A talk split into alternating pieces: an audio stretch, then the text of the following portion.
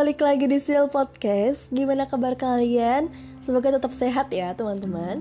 Nah, untuk episode kali ini aku mau membahas tentang episode podcastku yang sebelumnya. Jadi, kalian inget gak? Di awal-awal episode, aku itu kan sempat membuat episode tentang luka batin. Nah, dan itu ada dua episode ya. Yang pertama berawal dari puisi, nah yang kedua itu seperti apa ya tips lah gimana cara kita menyembuhkan luka batin. Nah entah kenapa ya dari sekian banyak podcastku itu, siaranku itu, episode itu tuh yang paling sering didengerin dan dia selalu ada di posisi teratas. Ada aja yang nambah. Terus aku sampai mikir gitu, kenapa ya? Apa yang menarik gitu? Apakah memang kontenku itu ya dari sisi kontennya isinya yang menarik atau dari pendengarnya yang ternyata menyimpan banyak luka batin dan belum diselesaikan? Nah ini penting banget sih buat kita bahas. Kayak ya banyak sekali orang-orang yang kemudian mencoba untuk menyembuhkan diri sendiri. Ya termasuk aku dulu ya pengalamanku dan sebenarnya ya itu balik lagi, kamu mampu atau tidak menyelesaikan setiap permasalahan yang menimbulkan rasa takut, yang menimbulkan trauma, yang menimbulkan apa ya? tidak percaya dengan orang lain dan lain hal sebagainya itu. Dan memang tidak semua orang akan datang ke psikolog untuk menyelesaikan hal-hal yang kemudian dia anggap krusial dalam hidup dia. Makanya banyak banget ya teman-teman yang kemudian ikut webinar ya, ikut uh, ya diskusi-diskusi online yang ada kaitannya dengan luka batin, yang ada kaitannya dengan inner child dan lain sebagainya itu. Nah, makanya aku pengen banget bahas ini. Entah kita mau bahas apa, kita lanjut aja di segmen kedua.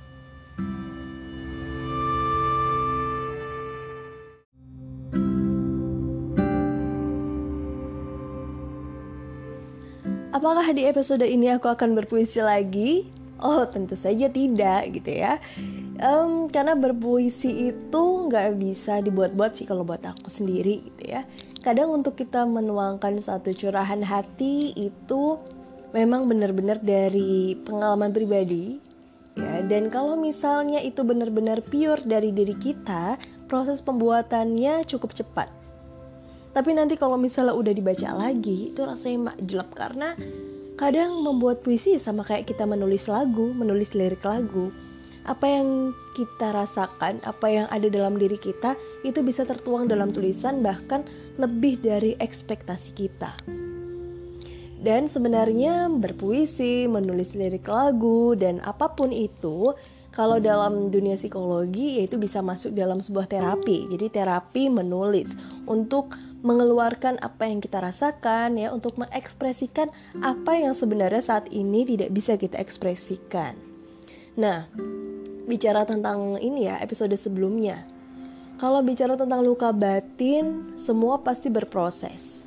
Ya, kalian sampai saat ini yang masih punya pengalaman-pengalaman traumatis pasti masih akan terus ada dalam memori ingatan Bahkan dulu dalam perkuliahan aku sempat nanya sama dosen aku sendiri. Ketika kita punya satu masalah ya, dan itu udah berlangsung lama, kita udah berusaha untuk healing, kita udah berusaha untuk menyembuhkan, tapi tiba-tiba ada satu hal yang kemudian men-trigger ya, yang kemudian memantik membuat kita untuk ingat lagi, apa itu bisa dikatakan kita belum selesai dengan urusan kita ya kalau dalam bahasa kerennya ya disebut sebagai unfinished business gitu. Cuma waktu itu dosen aku cerita kalau ya sebenarnya uh, setiap hal yang kemudian menjadi trauma, menjadi hal-hal negatif dalam diri kita itu pasti akan selalu ada dalam ingatan. Apalagi ya kita tahu yang namanya memori negatif, ingatan negatif itu pasti lebih melekat dalam ingatan kita ya selama kita bisa tahu cara memanagenya selama kita bisa apa ya uh, kita sudah pernah berusaha untuk menyembuhkan itu ya udah ya sebenarnya bisa dikatakan kita udah selesai. Cuma ada hal-hal yang kemudian bisa menjadi trigger yang membuat kita ingat dengan masa lalu itu. Dan yang paling penting memang sebenarnya kita menghadapi ya. Kalau kalian yang pecinta Korea atau yang nonton drama terbaru itu ya It's Okay Not to Be Okay kan juga di awal-awal dijelaskan ya, ketika kita memiliki rasa takut, yang seharus kita lakukan adalah menghadapinya, bukan menghindarinya. Nah, ini yang kadang masih menjadi PR sih. Kadang kita mau menghadapi, tapi kitanya juga nggak berani karena kita takut terulang lagi. Dan kadang ada posisi di mana ketika kita berusaha untuk menghadapi itu, kita kembali merasakan hal yang sama. Yang akhirnya membuat kita jadi makin takut, jadi makin menutup diri, dan yang namanya trauma yang pernah kita alami sebelumnya, hal-hal negatif yang pernah melingkupi diri kita, itu akhirnya semakin bertambah. Nah, ini makanya semua orang itu berbeda-beda, nggak bisa disamakan satu sama lain. Makanya kalau untuk teman-teman yang kemudian sering ikut webinar, sering ikut diskusi tentang self healing, tentang trauma di masa lalu atau mungkin kejadian-kejadian yang baru saja diterima, ya itu menjadi hak pribadi masing-masing sih gitu ya. Dan alhamdulillah kita bersyukur banget ya banyak kemudian teman-teman dari bidang psikologi ya kemudian uh, dari bidang kedokteran jiwa gitu ya atau mungkin dari pihak mana yang kemudian sering banget membuat kegiatan-kegiatan seperti itu jadi semakin mengedukasi, semakin menyadarkan teman-teman juga bahwa yang namanya mencintai diri sendiri, yang namanya kita self healing itu penting banget. Dan banyak sekali cara-cara yang bisa kita lakuin gitu. Nah, dengan aku bicara seperti ini bukan berarti aku terbebas ya dari pengalaman itu. Bahkan sampai saat ini kalau misalnya mau diulas lagi, kalau misalnya kita mau recall itu masih sangat bisa teringat dalam ingatan. Dan kalau misalnya mau dibahas, mau diajak sharing, masih ada apa ya? ingatan hmm, ingatan-ingatan yang kemudian membuat aku ngerasa sedih. Itu pasti. Cuma kalau dibilang berapa persennya, kalau misalnya dulu 90% ya, 90% bikin aku sakit gitu kasarannya ya. Sekarang mungkin lebih ke arah 30% 40% gitu. Makanya kalau kalian ingat di episode sebelumnya Aku pernah bilang ketika kalian sudah mulai bisa berdamai gitu ya Ketika kalian menceritakan kembali Kalian tuh bisa sambil menertawakan diri kalian sendiri. Karena ketika kalian menertawakan Sebenarnya bukan kalian menyemehkan itu Cuma kalian udah tahu nih Oh ternyata waktu aku mengalami hal ini Aku adalah pribadi yang seperti ini. Gitu. Jadi kalau penggambarannya gini.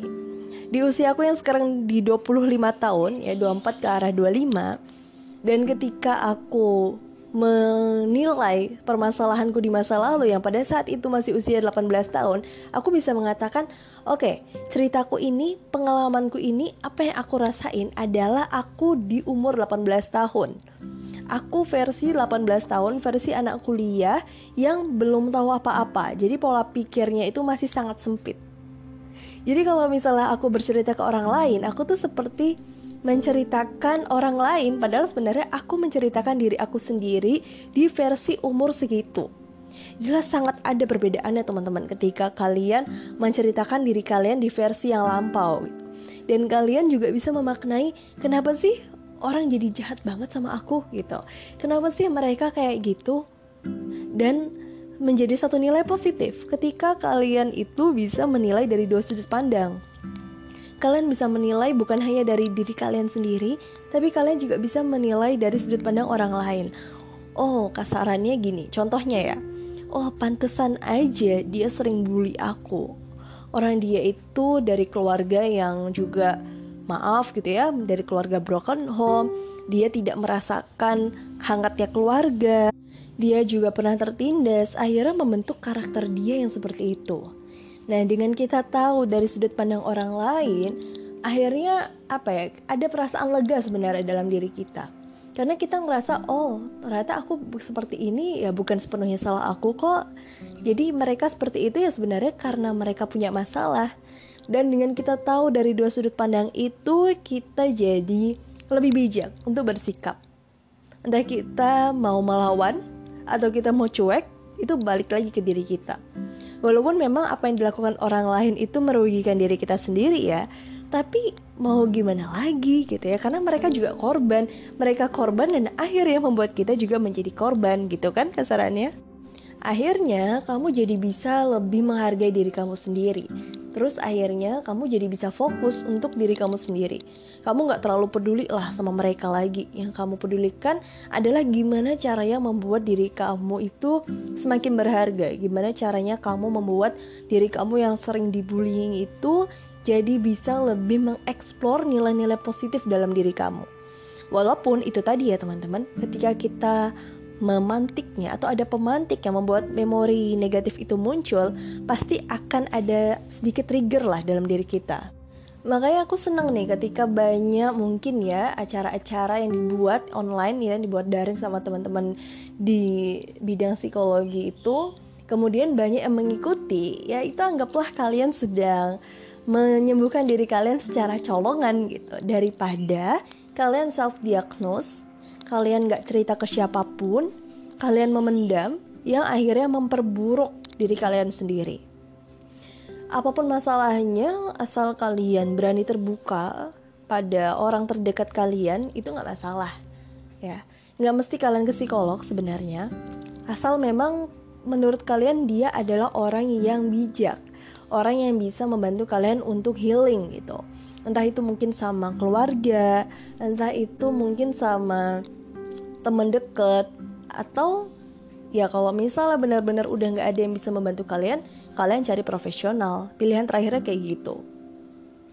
Kalau kalian mampu untuk self healing, menyembuhkan diri kalian sendiri, walaupun mungkin masalahnya itu sangat berat, ya itu juga nggak masalah.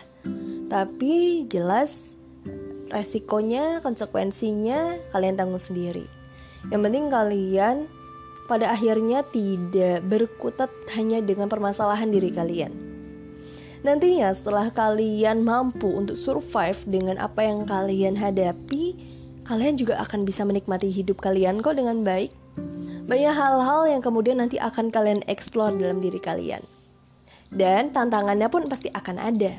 Mungkin ketika kalian mencoba satu hal yang baru, akan ada orang-orang yang mulai nyinyirin kalian nih. Ih, ngapain sih bikin kayak gitu ih ngapain sih jualan ini? gitu ya. Ya udah itu menjadi satu tantangan yang baru buat kalian. Toh mereka juga nggak tahu kan kenapa kalian seperti itu? Bisa jadikan apa yang kalian lakukan sekarang sebagai bentuk aktualisasi diri kalian. Atau kalau aku membahasakannya aku menyenangkan diri aku sendiri gitu. Ketika kalian udah bisa menyenangkan diri kalian sendiri ya kalian pasti akan menjadi pribadi yang lebih baik lagi Apalagi kan kalian melakukan itu atas usaha kalian sendiri. Ya dan juga tidak merugikan orang lain. Jadi nggak perlulah kalian mikirin apa kata orang. Ya, kalau aku bilang kalau kalian udah bisa survive di masa sulit kalian, otomatis ketika ada rintangan baru, ketika kalian menjalani satu hal yang baru juga, kalian pasti bisa lebih cuek lah dengan hal-hal seperti itu. Fokus pada tujuan ke depan, konsisten dan uh, terus belajar. Jadi kalian bisa mencapai hasil yang maksimal atas usaha kalian sendiri. Kayak gitu. Jadi apa ya sebenarnya tulisan ini, cerita ini di episode kali ini nggak ada tips and trick khusus sih. Cuma karena aku heran aja kenapa ya di bagian episode itu banyak banget apa aku harus sering bikin postingan atau cerita-cerita yang galau ya yang tentang luka batin yang tentang self healing kayak gitu terus. Ya, kalau aku sih sebenarnya kurang ya kurang bukan kurang tertarik cuma menurut aku banyak teman-teman yang lebih ahli lah yang lebih expert buat membahas itu. Jadi kalau misalnya kalian memang butuh menyembuhkan diri kalian dengan mengikuti diskusi-diskusi seperti itu ya silahkan gitu. Jangan tanggung-tanggung gitu. Kalau ada serinya ya kalian ikuti aja. Kalau ada terapinya yang secara berkelompok atau mungkin terapi secara online ya ya bukan terapi online juga sih tapi lebih ke layanan psikolog secara langsung gitu ya secara daring ya udah ikutin aja. Yang penting kalian tetap bisa apa ya hmm, tapi lebih kayak konseling online lah, konseling daring dengan psikolognya langsung. Nah itu diikutin aja. Yang penting kalian tetap semangat, tetap bisa survive, tetap bisa tersenyum ya, dan menjadi diri kalian sendiri. Udah deh kayaknya itu aja ya Aku nggak tahu harus bahas apa lagi Ya semoga apa yang memang aku sampaikan dari episode pertama sampai sekarang Itu bisa menginspirasi kalian Dan sampai jumpa di episode selanjutnya. Bye-bye